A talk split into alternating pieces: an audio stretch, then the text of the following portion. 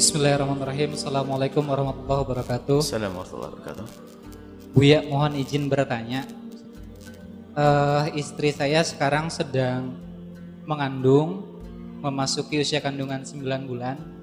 Mohon doanya semoga diberikan kemudahan dalam persalinan. Mudah. Eh, berikutnya pertanyaannya adalah dalam beberapa bulan ke depan beliau mengambil cuti Buya dari pekerjaannya.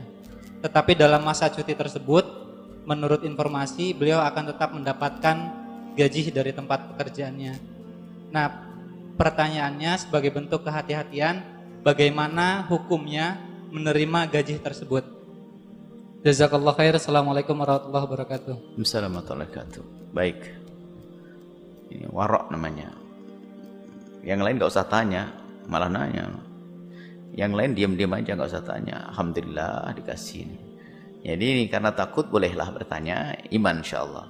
Jadi kalau istri anda bekerja di sebuah instansi atau di sebuah tempat, kemudian ternyata diberi cuti oleh perusahaan tersebut, kemudian di masa cutinya tetap dikasih gaji, maka itu halal. Karena murni pemberian dari mereka dan dengan keridoannya. Yang gak boleh anda tidak kerja dengan mereka minta duit, itu nggak benar. Jadi itu cuti adalah termasuk ya ini penghargaan dan biasa karena biasanya dalam perusahaan seperti itu.